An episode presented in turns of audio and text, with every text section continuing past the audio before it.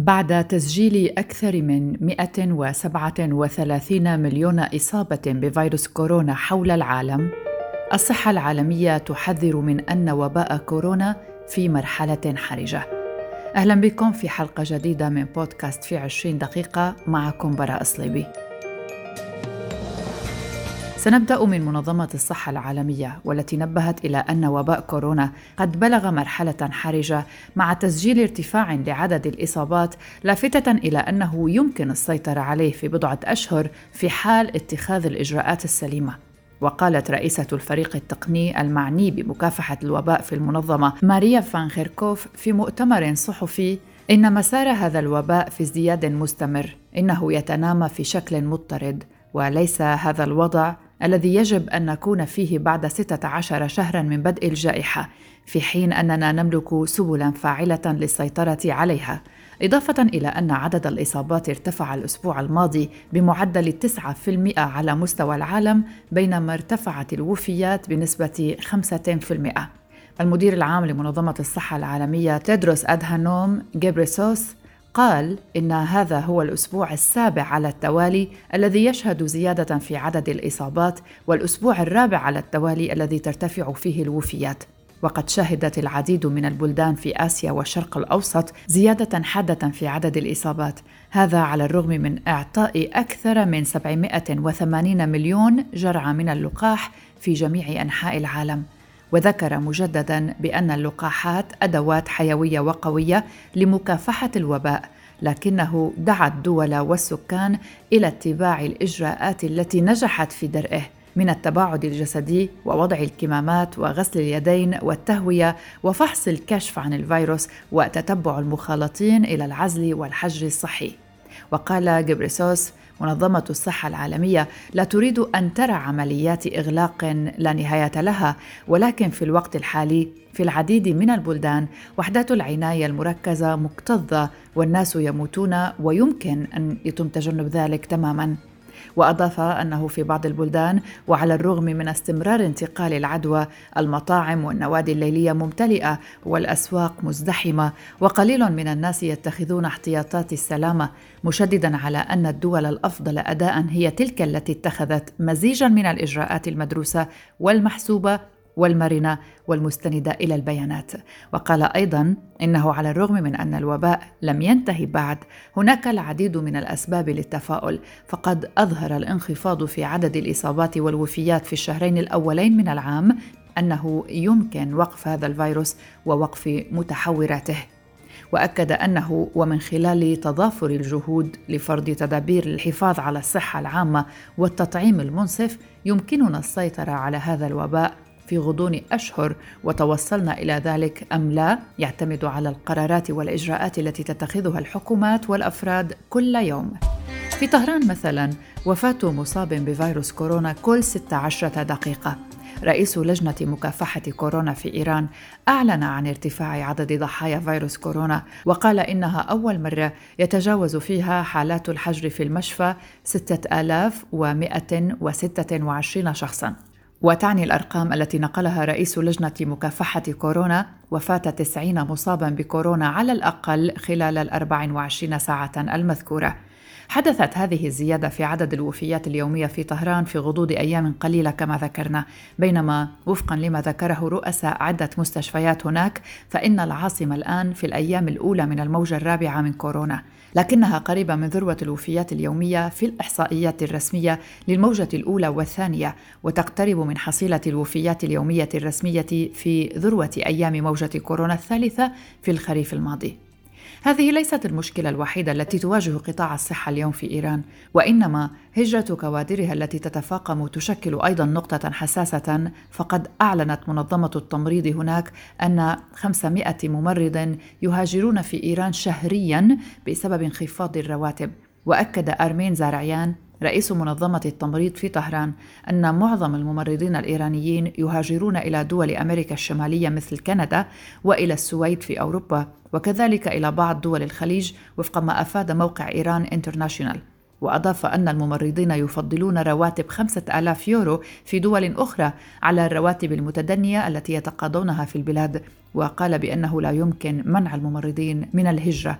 وأوضح زرعيان أن بعض الممرضين يقومون بأعمال الهجرة شخصيا ولذلك لا يمكن معرفة إحصاءاتهم.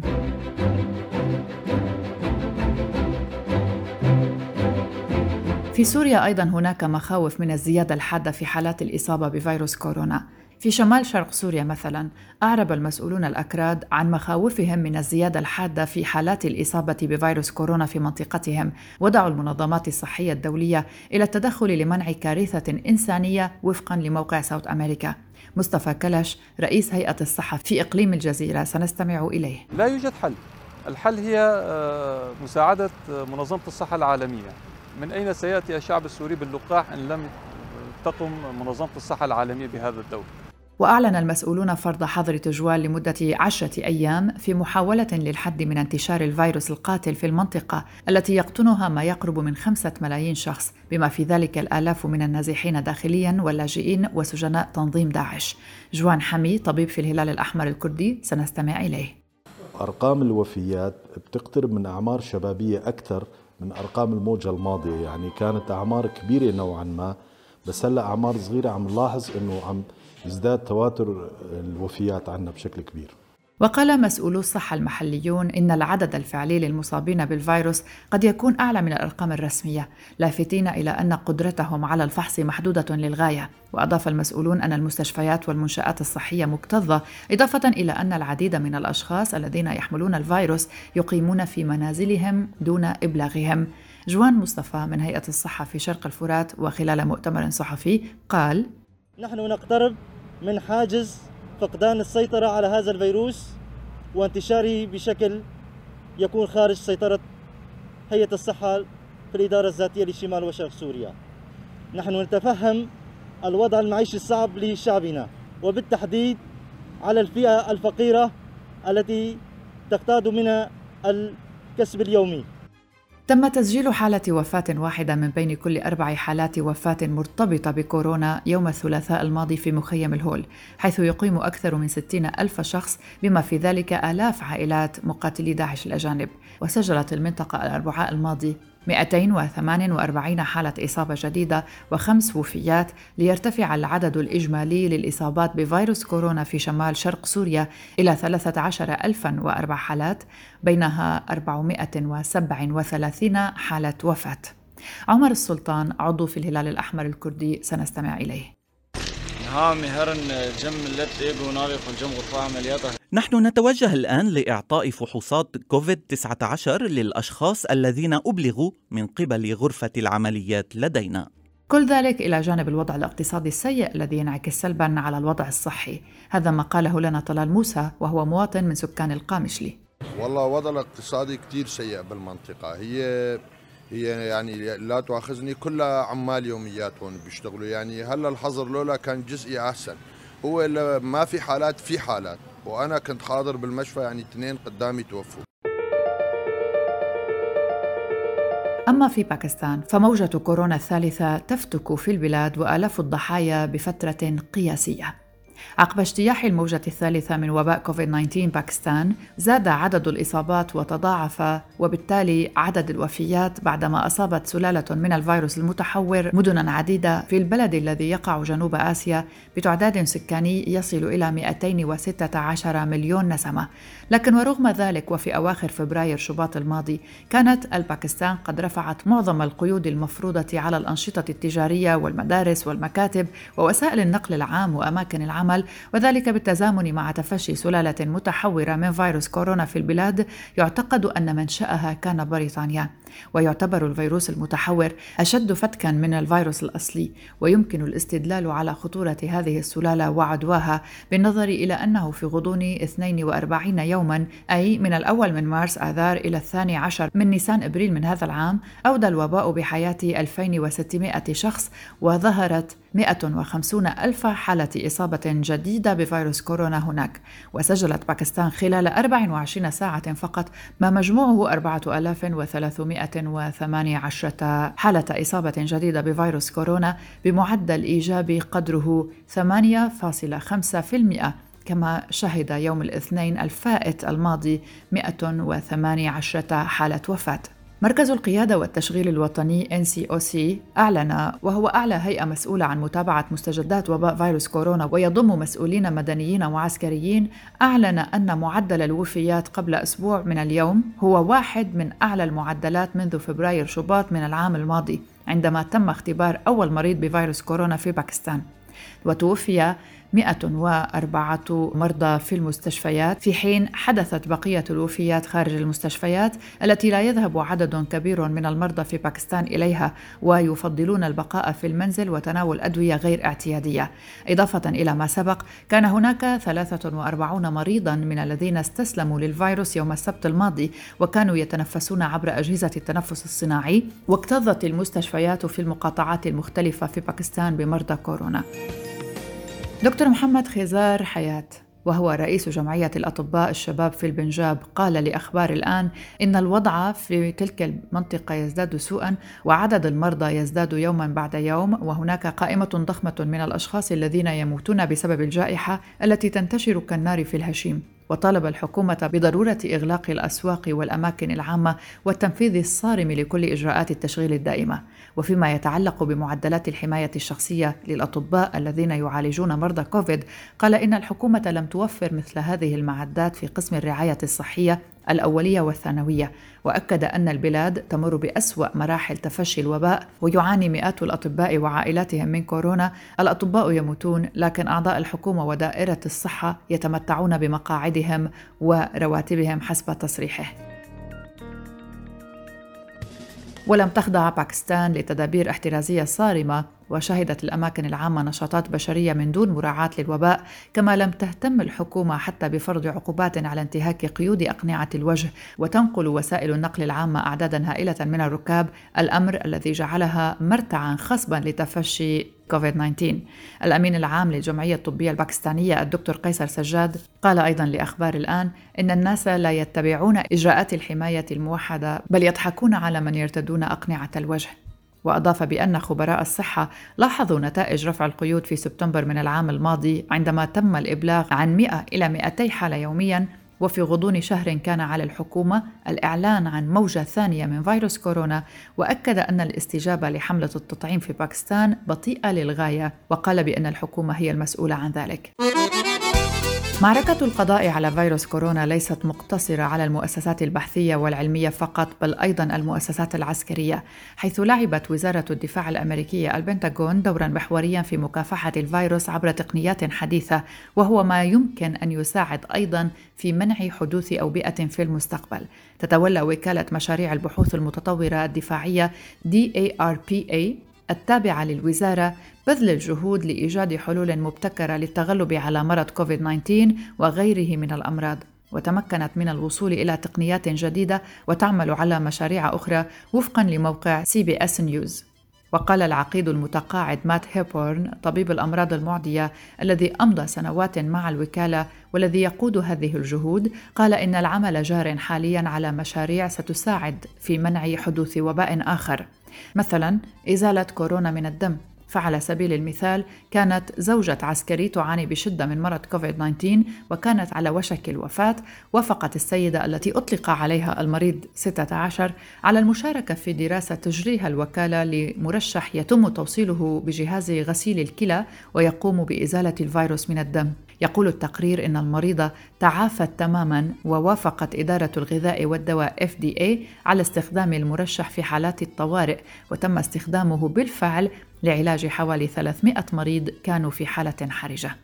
كما أن هناك مشروع آخر متمثل بمستشعر يتم وضعه تحت الجلد لقراءة التفاعلات الكيميائية التي قد تحدث بسبب عدوى يقوم هذا المستشعر الذي شبه بضوء فحص المحرك في السيارة بإصدار إشارة تعني أن الأعراض ستظهر على الشخص المصاب يقول الضابط السابق إنه يمكن استخدام هذا المستشعر لتجنب حدوث عدوى وسط عدد كبير من الناس كتلك التي حدثت العام الماضي في المدمرة الأمريكية روزفلت حيث تم رصد مئات الإصابات بكوفيد 19 بين الجنود على متنها.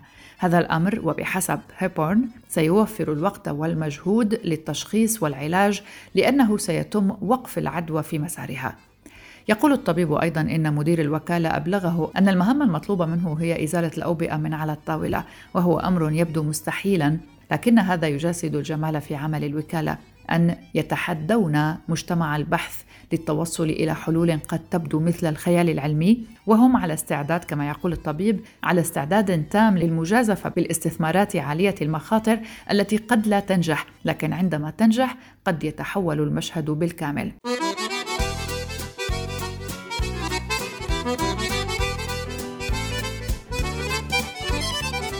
أيضا الدكتور جيمس كرو الباحث في الأمراض المعدية والذي أجرى عدة أبحاث على الأجسام المضادة للإنفلونزا انضم للوكالة عام 2017 وطلب منه إنتاج أجسام مضادة تكفي لوقف الوباء على أن ينتهي من الأمر في غضون 60 يوما. مع العلم أنها عملية تستغرق ما بين ستة أشهر إلى عام في أفضل الظروف استطاع بالفعل القيام بتلك التجربة بإنتاج الأجسام المضادة في 78 يوما.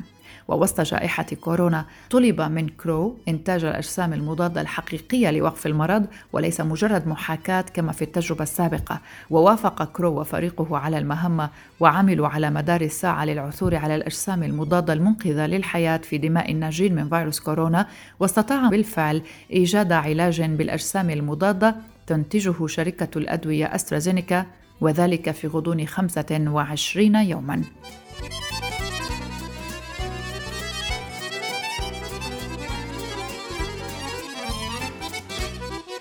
سنختم هذه الحلقة مع توصيات جديدة وخطوات عديدة لتعقيم اليدين.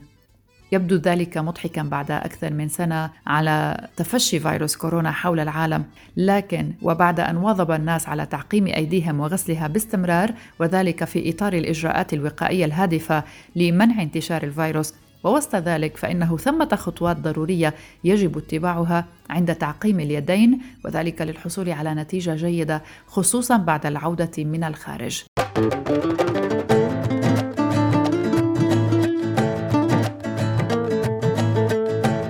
الطريقة الصحيحة الأخيرة التي يوصي بها العلماء لتعقيم اليدين وسط انتشار كورونا يجب في البداية غسل اليدين بالماء المعتدل والصابون العادي أو المعقم ثم يجب فرك يديك في كل المساحات حتى الوصول إلى معصم اليد لضمان إزالة كل الجراثيم المتراكمة عليها. من المهم أيضا فرك الأصابع وما بينها وبين الأظافر بالصابون وذلك قبل غسل كل اليدين بالماء وإزالة رغوة الصابون عنها. قبل الانتقال لتعقيم اليدين عليك تجفيفها جيدا من خلال المنشفة وبعدها خذ المعقم البخاخ الذي عليك رشه في كل مساحة يديك. في حال كان المعقم بتركيبة لزجة ضع كمية وافرة منه وعليك فرك اليدين جيدا وإدخال المعقم بين الأصابع. وإذا كنت في الخارج وتريد تعقيم اليدين عليك فعل الخطوات السابقة عند استعمال المعقم ولكن فور الوصول إلى المنزل من المهم جدا غسلها بالماء والصابون لأنها تبقى الطريقة الأفضل للتخلص من الجراثيم. وحتى عند تعقيم يديك وأنت في الخارج لا يجب لمس الوجه والعينين والفم والشعر بتاتا تجنبا للإصابة بالأمراض أو الفيروسات وفق ما ذكر موقع صحتي هذه